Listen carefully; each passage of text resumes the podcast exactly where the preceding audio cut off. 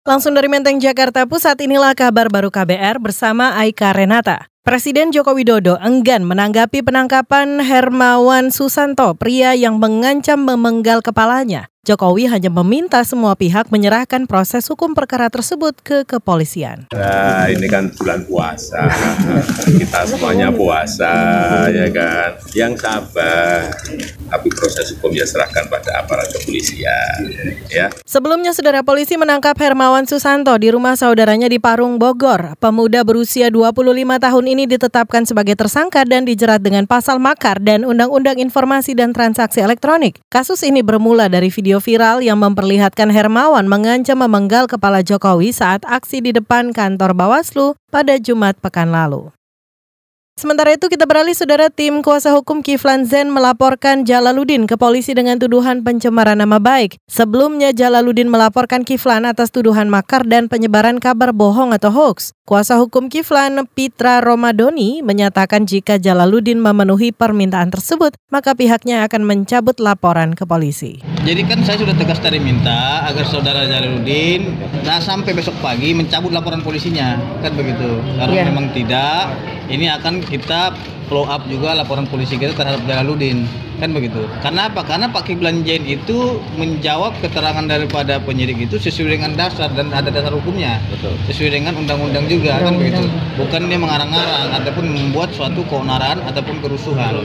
Kuasa hukum Kiflan Zen Pitra Romadoni menambahkan Kiflan telah memberikan klarifikasi saat pemeriksaan di polisi hari ini. Kiflan mengklaim tak punya niat melakukan makar Bekas Kepala Staf Komando Cadangan Strategis TNI Angkatan Darat itu mengaku bukan inisiator aksi demonstrasi di depan gedung KPU dan Bawaslu pada 9 Mei lalu.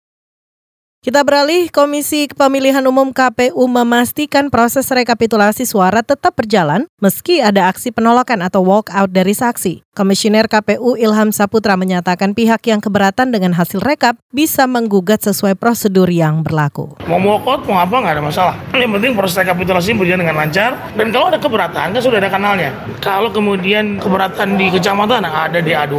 Dituliskan di situ. Kalau keberatan di provinsi, eh di kabupaten kota, ada DB 2 Di provinsi ada DC2, di sini ada di Itu tadi anggota KPU Ilham Saputra. Sebelumnya aksi walkout para saksi terjadi saat rekapitulasi di berbagai daerah seperti Jakarta, Jawa Tengah, dan Banten. Ada juga saksi yang membuat kericuhan saat rekap di Kabupaten Empat Lawang, Sumatera Selatan. Menurut Ilham, mereka menggunakan jalur yang salah saat menyampaikan keberatan. Kata dia, aksi-aksi itu tidak mempengaruhi penetapan hasil rekap.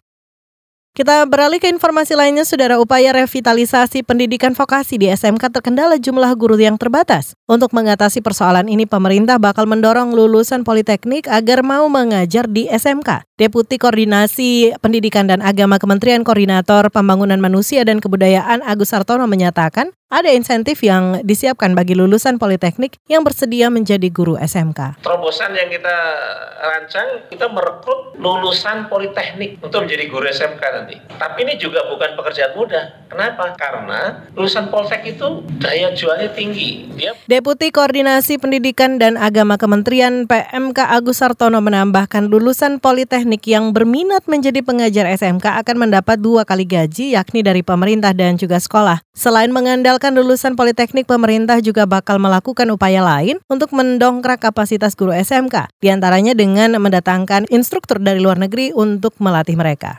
Demikian kabar baru dari kantor Berita Radio KBR, saya Aika Renata.